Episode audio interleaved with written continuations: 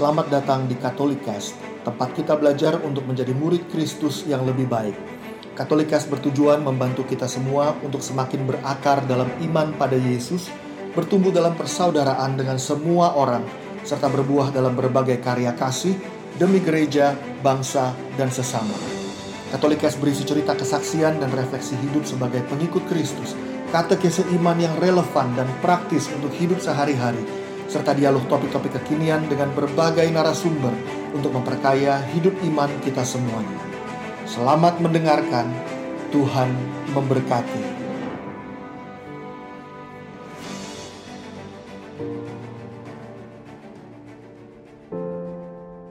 Selamat malam, Bapak Ibu, sahabat-sahabat semuanya. Malam hari ini kita akan uh, bicara tentang luka dengan judul startup. Startup itu artinya kan uh, upaya memulai sesuatu, to to to start things up gitu, memulai sesuatu, upaya untuk atau proses untuk menggerakkan sesuatu agar mulai. Maka pada malam hari ini kita akan mulai bicara tentang luka-luka atau situasi-situasi hidup kita yang mana waktu kita sadari kita bisa sungguh bawa itu ke Tuhan dan melihat bagaimana kasih Allah itu luar biasa bisa menjamah dan menyembuhkan dan memulihkan hidup kita. Nah untuk itu saya akan uh, share uh, slide untuk malam hari ini. Saya harap kita semua sungguh-sungguh terbuka. Terbuka artinya gini, nanti kita akan lihat sambil jalan bahwa kadangkala waktu kita mengalami luka atau kita mengalami situasi-situasi tertentu dalam hidup kita, waktu kita mau bawa itu ke Tuhan, sering kali hambatan yang terbesar adalah mungkin diri kita sendiri gitu. Karena kadangkala tanpa kita sadar kita menyangkal atau kadangkala justru memilih untuk diam di dalam luka. Karena kadangkala tinggal di dalam luka itu dalam arti tertentu bisa terasa nyaman karena kita bisa menyalahkan luka dan gak perlu mengambil tanggung jawab tertentu di dalam hidup kita. Kalau kita lihat kadangkala uh, orang-orang yang ada di sekitar kita gitu ya, kita berhubungan dengan orang, kita berhubungan dengan anggota keluarga atau uh, sahabat-sahabat di tim pelayanan gitu misalnya, uh, kita melihat bahwa uh, yang kelihatan semuanya serba baik-baik aja gitu semuanya serba normal-normal aja gitu. Seakan-akan nggak ada masalah. Lalu orang tersenyum, orang tertawa gitu. Dan uh, situasi mulai menjadi lebih jelas atau mulai menjadi lebih mengganggu kalau misalnya ada intensitas peristiwa-peristiwa tertentu.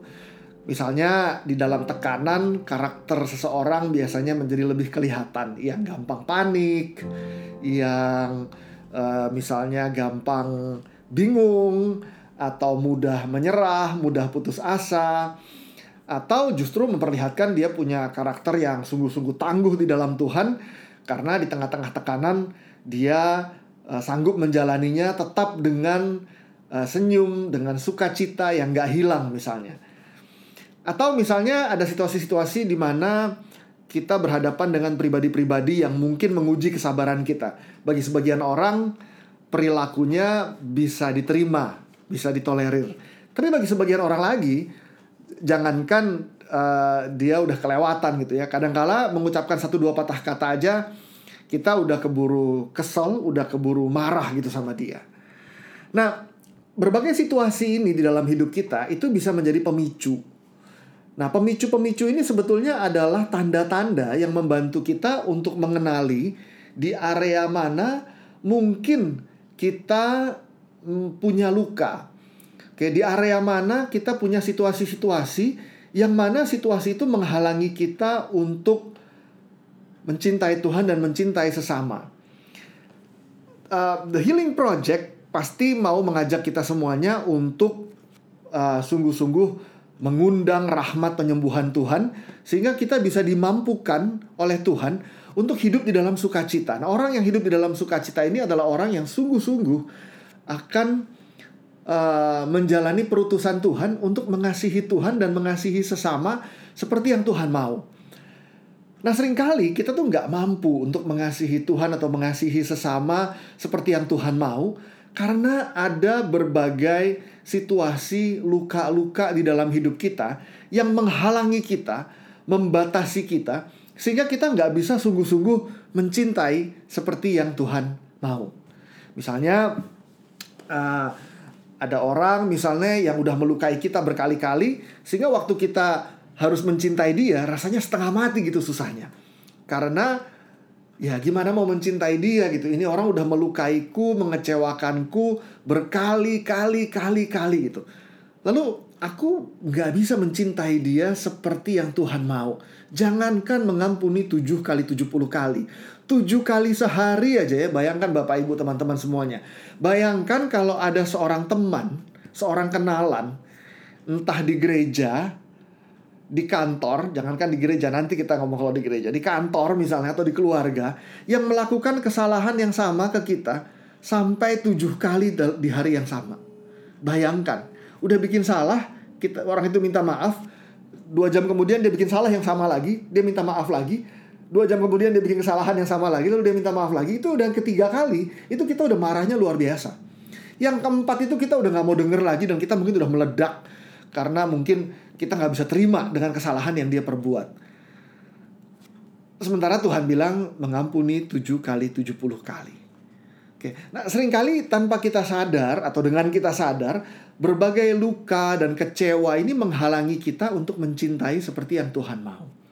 Nah kalau kita perhatikan, saya mau ajak Bapak Ibu teman-teman semuanya buat berefleksi sebetulnya. Sesi sesi startup ini sebetulnya adalah sesi yang uh, reflektif banget lah, mengajak kita untuk banyak berefleksi. Karena kita mau coba ngaca, kalau di depan kita ada cermin gitu ya, kita ngaca dan kita mau lihat diriku itu seperti apa. Paling gampang kalau kita baca berbagai tulisan uh, tentang luka dan sebagainya, itu ada banyak tanda-tanda orang yang luka. Uh, luka batin itu seperti apa misalnya. Tapi saya mengkategorikannya hanya dengan dua hal. Tanda orang yang luka. Dua hal. Yang pertama adalah reaksi yang berlebihan. Oke, okay? orang-orang muda suka bilang dengan istilah lebay. Ah, lebay lo ah, begitu aja gitu misalnya. Reaksi yang berlebihan. Reaksi yang berlebihan ini uh, contohnya uh, sekali peristiwa ada seorang anak nih. Anak kecil. Anak kecil ini dia di gerejanya itu ini kejadian udah lama nih 20 tahunan yang lalu uh, di gereja uh, Kristen mereka kan suka bagi kalau bapak ibu masih familiar dengan istilah traktat zaman dulu tuh kalau saudara-saudara Kristen suka ada yang namanya traktat tuh kayak buku kecil uh, ada kayak komik kecil di dalamnya itu bercerita tentang keselamatan gitu bahwa kita harus terima Yesus sebagai Tuhan dan Juru Selamat dan sebagainya. Nah anak perempuan ini ya masih kecil dan dia di gerejanya dibagiin uh, traktat itu banyak dan dia bagi-bagi ke orang yang dia ketemu gitu.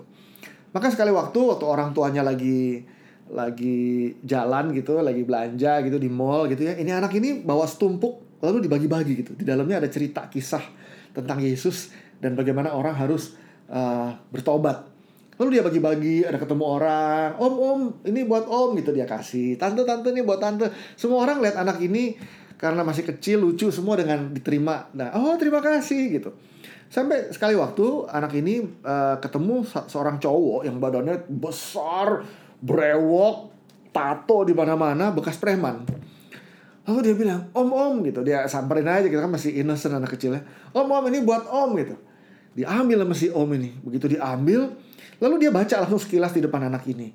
Lalu dia bilang, oh ini bagus ini ya tentang Tuhan dia bilang gitu. Lalu dia tanya, Tuhan itu memang seperti apa? Lalu anak kecil, perempuan, ditanya Tuhan itu seperti apa, dia bingung, dia nggak tahu mau jawab apa. Maka dia bingung, dia lihat kanan, kiri, dia mau jawab, dia nggak tahu harus jawab apa. Lalu dia ingat, di sekolah minggu dia baru belajar doa Bapa kami. Jadi Tuhan itu seperti Bapa. Maka dia bilang, Om, Tuhan itu itu seperti Bapak om, seperti papi kita, seperti papa. Itu sebabnya kita panggil dia Bapak gitu. Ini cowok ini yang badannya tinggi, besar, brewok ini tiba-tiba meledak. Dia marah. Lalu dia bilang, kalau Tuhan itu seperti Bapak, saya nggak mau urusan lagi sama yang namanya Tuhan. Lalu kertas pertraktan itu dia buang di tong sampah, lalu dia pergi sambil marah-marah. Lalu kita semua membayangkan, kenapa orang ini lebay? Kenapa orang ini reaksi berlebihan?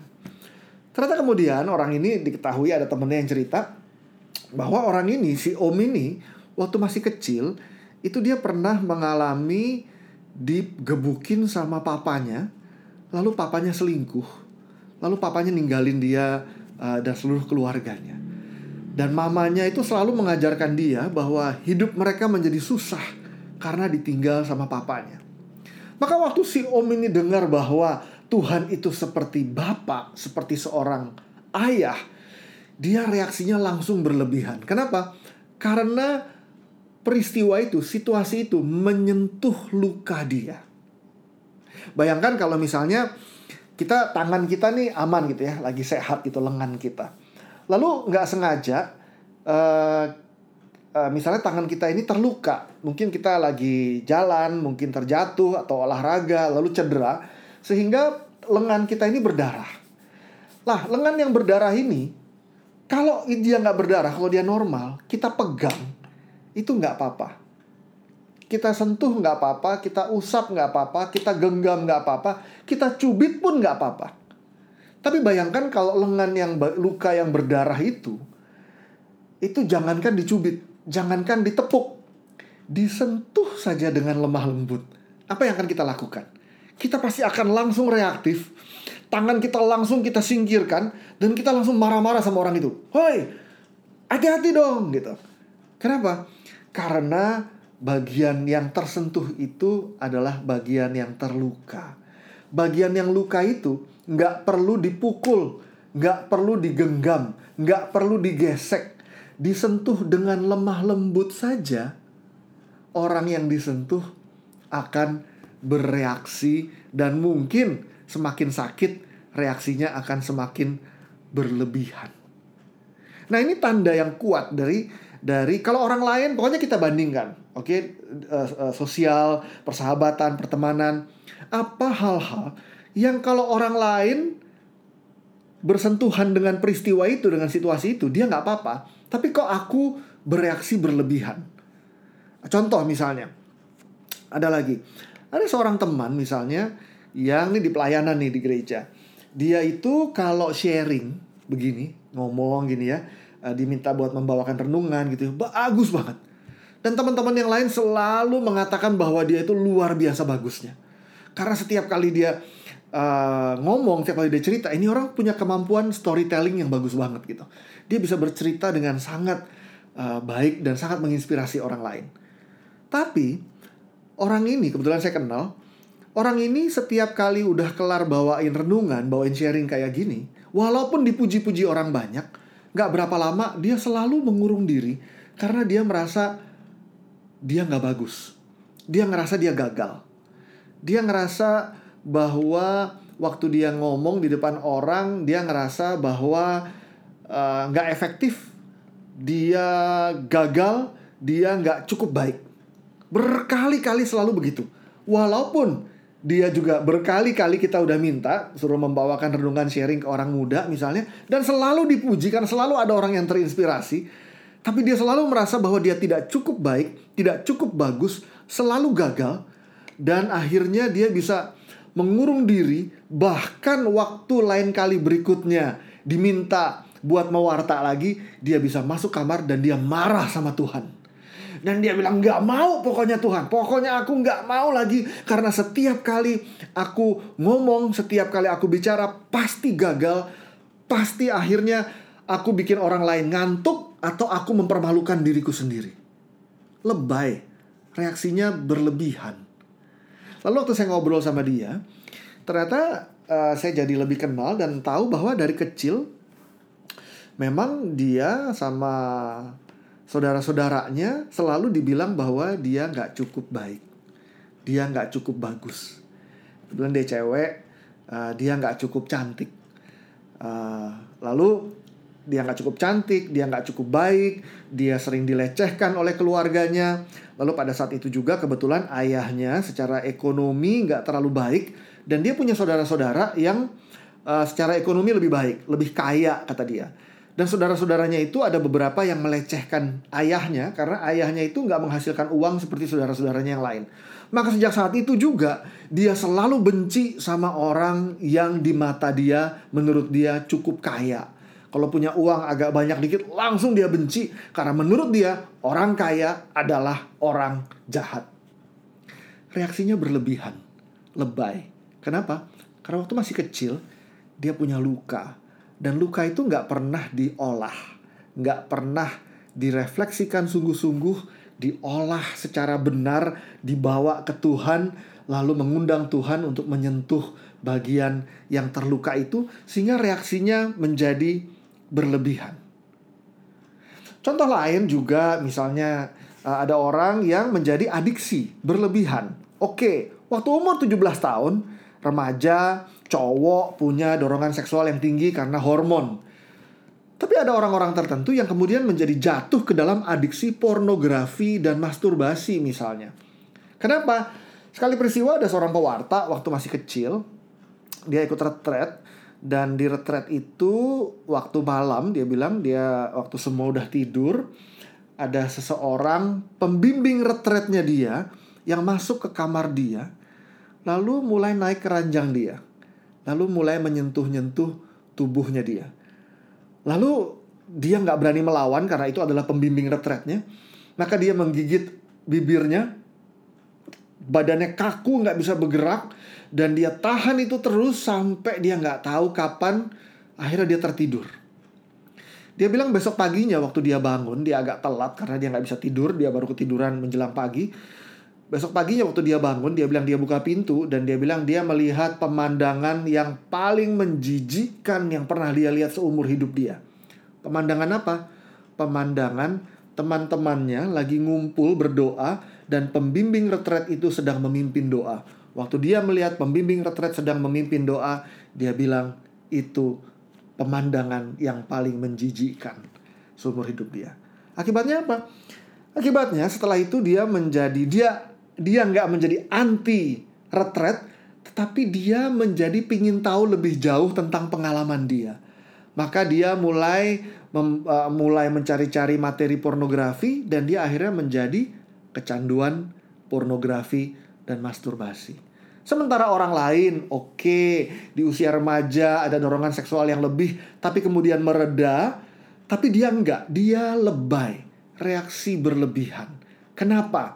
Karena dia punya masa lalu di mana di masa lalunya itu dia terluka dan lukanya tidak diolah, tidak diadres, tidak diatasi, tidak dibawa kepada Tuhan.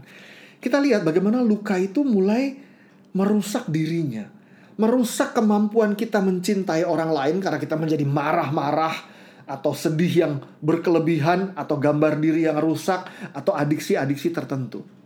Tapi ada bentuk luka yang kita sering kali lupa karena reaksinya nggak kelihatan. Yang pertama adalah reaksi yang berlebihan, yang kedua adalah tidak sanggup atau lumpuh. Lumpuh. Lumpuh ini bentuk luka yang kita nggak sadar. Contoh, seorang anak yang misalnya nggak pernah sungguh-sungguh ini by the way dari tadi saya cerita semuanya true story nih cerita-cerita yang yang real nih yang yang pernah terjadi uh, uh, sungguh-sungguh gitu Sekali waktu ada seorang uh, ini ini di satu persekutuan doa di Bandung. Ini kejadiannya wah ini udah lama ini. Ini saya pelayanan waktu tahun 2000-an awal. Jadi 2002, 2003 gitu kira-kira. Uh, waktu itu di Bandung. Jadi di satu persekutuan doa ada seorang cowok badannya tinggi, gede gitu ya. Di kelar, kelar PD ada yang nanya, siapa yang mau didoain gitu ya. Lalu nih cowok maju ke depan minta didoain. Lalu ada satu anak cewek, teman saya, badannya kecil, ngedoain dia. Waktu ngedoain dia waktu tumpangin tangan begitu tangannya nyentuh kepalanya gitu mau doain tiba-tiba dapat gambar. Gambarnya gambar anjing pudel. Oke. Okay? lalu dia bingung nih cowok tinggi gede maco berotot tapi kok Tuhan kasih dia gambar anjing pudel? Lalu dia tanya sama dia sorry ya dia bilang saya waktu doain kamu ini kok saya ngerasa Tuhan kasih gambar anjing pudel? Ada artinya nggak buat kamu? Enggak dia bilang gitu. Oke. Okay. Lalu dia bingung kan, dia panggil temennya. Eh sini dong, ada temennya datang, tolong doain dong. Begitu temennya taruh tangan di pundak ini cowok, ini temen langsung buka mata ngelihat ke teman saya gitu. Begitu dia ngelihat langsung dia bilang gini, anjing pudel gitu. Dia juga dapat penglihatan, dapat gambar anjing pudel. Akhirnya bingung, dia bilang anjing pudel, anjing pudel. Nih cowok bilang enggak, saya nggak ngerti apa gitu. Ya udah, akhirnya didoain biasa, udah kelar, dia pulang. Seminggu kemudian ini cowok nelpon ke temen cewek yang mendoakan Uh, saya mau cerita ini saya yang waktu itu di persekutuan doa. Yang mana ya? Yang didoakan. Yang mana? Anjing pudel. Oh iya saya ingat. Iya ya anjing pudel. Ada apa? Jadi begini dia bilang. Saya tuh penasaran. Jadi saya cerita sama kakak saya. Ada apa dengan anjing pudel? Jadi kakak saya cerita waktu itu kami masih kecil. Jadi saya sendiri masih umur 2 tahun. Waktu itu saya masih nggak ngerti. Kakak saya waktu itu sudah lebih besar udah umur 10 tahun kira-kira 8, 8 tahun apa 10 tahun. Jadi waktu itu uh, kami punya anjing pudel di rumah dan mami mau pergi. Mami pergi titip pesen ke kakak dan ke kami ya waktu itu saya juga masih kecil suruh jagain sebentar mami cuma pergi sebentar aja suruh jagain anjing pudel katanya. Lalu kami sibuk main kami nggak perhatikan anjingnya pergi kabur hilang. Waktu mami pulang mami tanya anjing pudelnya di mana kami nggak bisa jawab. Lalu mami marah karena itu anjing pudel kesayangan mami. Mami marah luar biasa. Dan sejak Mami marah luar biasa, Mami trauma, Mami nggak pernah mau punya anjing lagi. Sehingga sejak itu sampai hari ini kami nggak pernah punya anjing lagi. Tapi sejak saat itu, kakak dan saya, dia bilang, juga tanpa sadar waktu itu bereaksi terhadap kemarahan Mami. Sejak saat itu kami nggak pernah bisa terbuka dan nggak bisa dekat sama Mami. Rasanya lumpuh akhirnya waktu itu akhirnya waktu itu kakak kami datang ketemu mami lalu cerita lalu waktu cerita mami nangis akhirnya terjadi rekonsiliasi. Akhirnya kami saling memaafkan. Lalu hubungan mereka menjadi lebih hangat. Sebelumnya mereka merasa lumpuh tidak bisa membangun relasi dengan mami. Atau ada kasus-kasus lain ini kasus yang banyak terjadi nih. Banyak cowok-cowok yang gak berani bikin keputusan beresiko di dalam hidupnya. Gak berani bikin keputusan. Kita cewek teman-teman yang cewek-cewek suka kesel ngeliatin cowok-cowok gila lo berani bikin keputusan? Nah apa sih? Masa gitu aja mesti nungguin keputusan gak, gak berani bikin keputusan gitu misalnya. Kenapa? Karena waktu dia masih kecil di rumah bapaknya kerja dari pagi sampai malam dia nggak pernah punya figur yang cowok yang membuat keputusan yang bisa dia teladani setiap hari yang dia lihat di rumahnya yang membuat keputusan itu adalah figur perempuan, ibunya. Tanpa dia sadar, ada bagian formasi pribadinya dia yang kosong. Afirmasi dari ayah yang seharusnya memampukan anak-anak laki-laki untuk berani bikin decision dan berani melangkah ngambil resiko di dalam hidupnya itu kosong. Gak pernah hadir, gak pernah ada.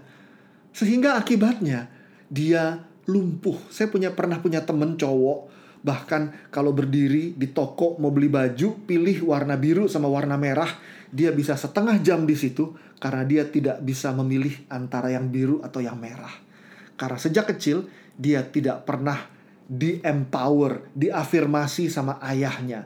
Selalu keputusan dibuatkan oleh ibunya. Dan itu meninggalkan lobang yang besar di dalam hatinya dia. Dia menjadi lumpuh.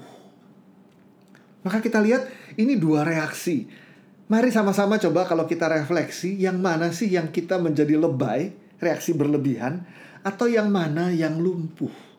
Karena mungkin di balik lebay dan lumpuh jangan-jangan ada luka yang kalau kita bawa ke Tuhan, Tuhan bisa sembuhkan. Maka kita lihat bahwa di balik setiap reaksi kita hari ini, marah misalnya, angry, itu yang kelihatan di permukaan air. Sementara kayak gunung es itu ya, yang di bawah permukaan air itu ada banyak emosi kita tuh ada khawatir yang berlebihan, ada anxious, ada alone, ada kesepian, luka karena kesepian, luka karena rasa bersalah, luka karena rasa menyesal, luka karena mungkin pernah dilecehkan, luka karena pernah ditinggal, luka karena tidak pernah didengarkan, luka karena pernah dikhianati. Semuanya itu ada di bagian bawah, alam bawah sadar kita dan terpendam. Wujudnya yang kita lihat cuman ini orang suka marah-marah. Tapi di balik itu, kita mungkin punya latar belakang dan memori masa lalu yang berbeda-beda. Kata marah, angry boleh diganti. Apa sih karakter buruk yang lebay, yang berlebihan, yang sering kali aku alami? Karena mungkin di balik itu ada sesuatu yang Tuhan mau sembuhkan. Nah teman-teman semuanya, Richard Rohr ini seorang imam Fransiskan OFM, dia bilang begini, pain that is not transformed is transferred. Luka yang tidak ditransformasikan, yang tidak diubah, diubah itu jadi apa? Kalau dibawa ke Tuhan, itu menjadi compassion, jadi wisdom, jadi hikmat, jadi hati yang lebih lunak buat mengampuni orang lain, empati terhadap penderitaan orang lain. Itu kalau diolah pain that is not transformed, luka yang tidak diolah sehingga bertransformasi is transferred, akan ke transfer ke orang lain. Luka yang kita nggak olah akan ke transfer ke orang lain. Orang lainnya itu siapa? Orang lainnya itu yang paling dekat sama kita. Di rumah kita ada siapa?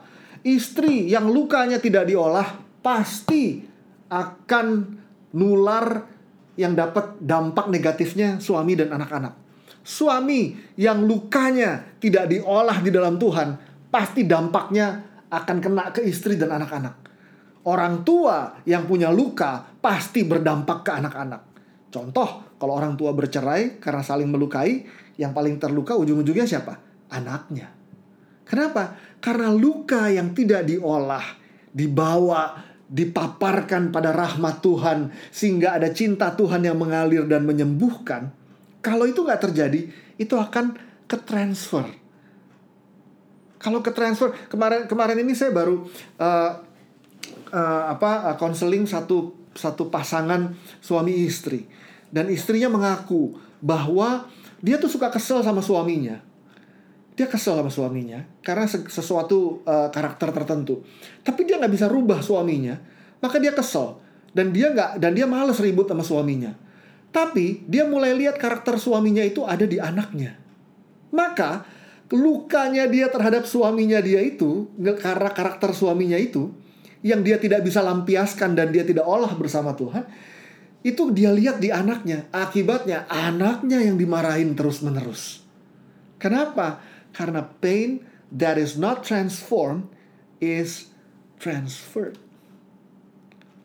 Luka yang nggak nggak bertransformasi di dalam Tuhan akan ke transfer. Orang lain akan kena kotorannya. Ini sering kali terjadi di orang-orang muda misalnya. Contoh ya, contoh orang-orang muda yang pacaran misalnya. Pacaran pertama dia dihianatin sama cowoknya. Lalu dia terluka luka pengkhianatan cowok. Pacaran yang kedua, apa yang terjadi? Lukanya masih ada. Lalu lukanya itu dia nggak olah bersama dengan Tuhan, didiemin aja atau belum sembuh dan dia nggak bisa kendalikan. Akibatnya apa? Waktu dia pacaran yang kedua, dia menjadi sangat posesif, dia menjadi sangat cemburuan. Kenapa? Karena dia punya luka yang berangkat dari pacarannya yang pertama. Dan lukanya itu dia bawa ke pacaran yang kedua. Nah kita sering kali nih orang muda sering kali nggak pusing soal pacaran.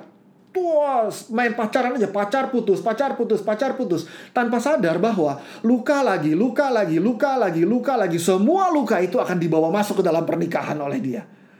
Orang suka bilang there is no marriage problem. Saya suka bilang begitu juga. Nggak ada masalah pernikahan.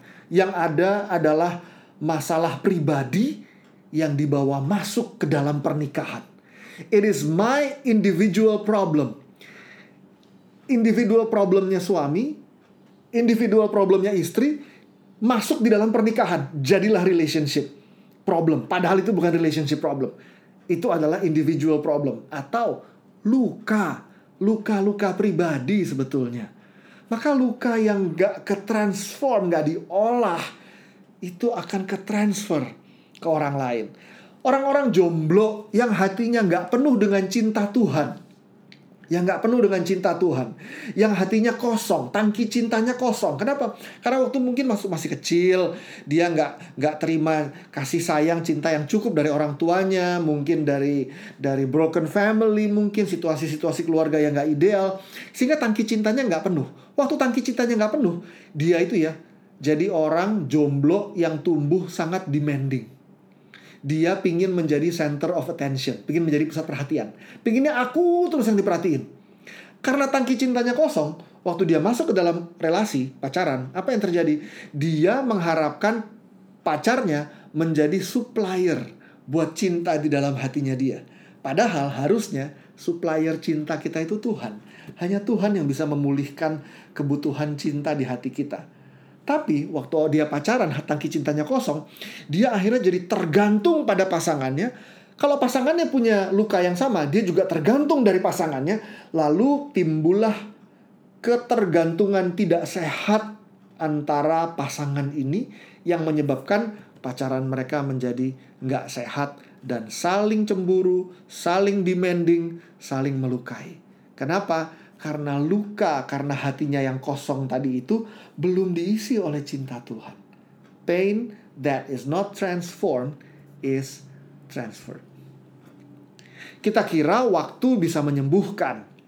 Ya, oke, okay, beberapa luka bisa disembuhkan. Artinya gini, bayangkan kalau kita punya tangan ada lecet sedikit. Kalau kita diemin aja sembuh nggak? Sembuh. Kenapa? Karena Tuhan menciptakan kita tubuh dengan kemampuan menyembuhkan diri yang baik. Tapi kalau lukanya cukup besar, katakanlah tangan kita robek misalnya. Memangnya waktu menyembuhkan? Enggak. Waktu tidak menyembuhkan. Tuhan yang menyembuhkan. Waktu hanya menyembunyikan. Tapi besok-besok, waktu terjadi lagi peristiwa yang serupa, kita akan reaksi luar biasa. Waktu ada uh, tuntutan untuk melakukan sesuatu, kita lumpuh nggak bisa. Kenapa? Karena waktu itu menyembunyikan. Waktu itu merepresi. Time hides. Yang heals itu bukan time. Yang menyembuhkan itu bukan waktu. Yang menyembuhkan itu Tuhan. Maka segala macam bentuk luka perlu kita bawa ke Tuhan. Karena Tuhan sanggup untuk mengubah luka itu menjadi compassion, menjadi belas kasih, menjadi hikmat, menjadi empati, menjadi buah-buah roh yang baik yang sungguh sebetulnya bisa memampukan kita untuk memahami penderitaan orang lain dan mencintai sesama dengan lebih baik. Maka terakhir, saya akan tutup sebetulnya dengan ayat ini. Yohanes 20 ayat 26 sampai 28. Ini cerita tentang Thomas. Kita semua udah tahu ceritanya. Thomas sedang terluka. Thomas sedang kecewa. Apa lukanya Thomas? Bayangkan kalau kita selama tiga tahun membangun harapan kita. Lalu setelah tiga tahun harapan kita kandas. Luka. Ya. Thomas itu ikut Yesus selama tiga tahun dan dia berharap semua murid-murid yang ikut Yesus itu berharap Yesus itu mungkin tokoh revolusioner yang akan memulihkan bangsa Israel yang akan uh, uh, apa uh, menjungkir balikan penjajahan uh, Roma sehingga orang-orang Yahudi kembali bebas seperti zamannya Daud gitu misalnya.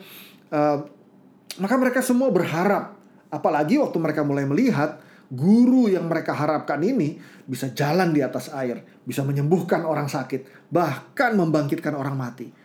Bayangkan pengharapan murid-murid pada Yesus. Bayangkan harapan Thomas pada Yesus. Lalu dia melihat Yesus didera, disalibkan, lalu mati. Bayangkan kalau kita latihan, kerja keras selama tiga tahun, lalu tiba-tiba semuanya kandas dan hilang tidak bermakna. Luka, tiba-tiba hati ini rasanya kosong, kecewa, rasanya ngapain gue jalanin tiga tahun ini kalau akhirnya bubar begini aja nggak ada hasilnya. Maka Thomas luka. Dan waktu murid-murid lain semuanya bilang bahwa Yesus sungguh bangkit, Thomas nggak percaya. Thomas luka dan dia nggak percaya. Dia skeptis bagi sebagian orang, lukanya itu nggak terasa sakit, tapi justru terasa apa ya numb. Numb itu kebal, justru tawar, nggak ada perasaan sama sekali. Dan Yohanes bab 20 ayat 26 bilang begini. Delapan hari kemudian murid-murid Yesus berada kembali di dalam rumah itu dan Thomas bersama-sama dengan mereka. Sementara pintu-pintu terkunci, Yesus datang dan ia berdiri di tengah-tengah mereka dan berkata, "Damai sejahtera bagi kamu." Kemudian ia berkata kepada Thomas, "Taruhlah jarimu di sini dan lihatlah tanganku. Ulurkanlah tanganmu dan cucukkan ke dalam lambungku dan jangan engkau tidak percaya lagi melainkan percayalah. Apa yang Yesus lakukan? Yesus bukan hanya bilang ini sungguh aku, tapi untuk membuktikan bahwa ini sungguh Yesus yang bangkit, Yesus mengundang Thomas untuk menyentuh tangannya Yesus yang terluka dan mencucukkan jari Thomas ke lambungnya Yesus yang terberlubang karena ditusuk oleh tombak. Luka hati Thomas bersentuhan dengan luka Yesus. Waktu luka Thomas bersentuhan dengan luka Yesus. Ayat 28. Thomas menjawab Yesus, "Ya Tuhanku dan Allahku." Thomas jadi percaya. Thomas disembuhkan dari luka. Thomas disembuhkan dari kecewa. Thomas dipulihkan oleh luka Yesus. Kita lihat lukanya Thomas bersentuhan dengan lukanya Yesus. Maka teman-teman, sahabat-sahabat semuanya, Bapak Ibu. Kalau kita punya luka, kita nggak sendirian karena Yesus juga terluka. Dan bahkan waktu Yesus mati dan bangkit, dia tidak bangkit sebagai sosok pribadi yang sempurna tanpa luka. Bahkan setelah dia bangkit pun lukanya masih ada di tubuh Yesus untuk memperlihatkan kepada kita semua bahwa I understand your pain. Aku mengerti luka-lukamu, sebab aku juga terus membawa luka-luka itu pada tubuhku. Firman Tuhan mengatakan bahwa oleh luka-luka, oleh bilur-bilur Yesus, kita disembuhkan. Maka, kalau kita membawa luka kita kepada Tuhan, kita boleh percaya bahwa bilur Yesus sanggup menyembuhkan kita. Atau atau pendekatan yang lain kadangkala luka kita nggak langsung sembuh. Luka kita nggak langsung overnight satu malam langsung sembuh. Kadangkala waktu kita mohon disembuhkan sama Tuhan Tuhan menyembuhkan kita lewat sebuah proses panjang yang mana mungkin prosesnya baru menjadi sempurna waktu kita mati dan bertemu dengan Tuhan. Artinya dalam proses itu kita mungkin akan membawa luka-luka tertentu seumur hidup kita. Dan luka-luka itu sebetulnya bagi saya pribadi, saya ingat waktu pertama kali uh, saya melihat nggak pertama kali tapi waktu itu pertama kali saya sadar waktu saya melihat gambar hati kudus Yesus. Saya melihat bahwa hati kudus Yesus hatinya bukan hati yang sempurna tanpa baret-baret luka. Tapi hati Yesus itu selalu hati yang dikelilingi mahkota duri. Artinya hati Yesus adalah hati yang terluka. Kalau hari ini saya mengalami luka, ada dua hal yang saya lakukan. Yang pertama, saya bawa ke Tuhan supaya Tuhan sembuhkan. Tapi yang kedua, selagi saya belum sembuh sempurna, saya melihat hati Yesus dan saya bersyukur karena artinya ada yang sama dari hati saya dengan hati Yesus. Sama-sama terluka. Saya nggak bisa bilang bahwa saya nggak berdosa seperti Yesus. Dosa saya banyak, tapi kalau hati saya luka, saya bisa merasa terhormat karena saya merasa saya dianggap layak untuk punya hati yang terluka seperti Yesus sendiri. Maka teman-teman semuanya, mari bawa semua luka kita pada Yesus. Mari refleksikan bersama apa yang selama ini reaksiku yang berlebihan atau yang aku rasanya lumpuh kalau dibandingkan orang-orang lain yang yang membuat aku sungguh-sungguh nggak bisa apa-apa refleksikan lalu bawa find healing in him refleksikan dan bawalah kepada Yesus agar kita mengalami kesembuhan yang dari hati Tuhan sendiri.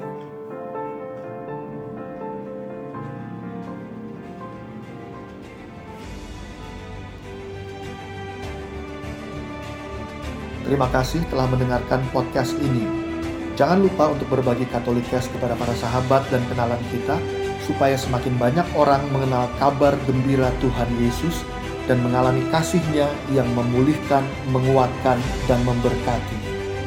Sampai jumpa di episode Katolikes yang lain.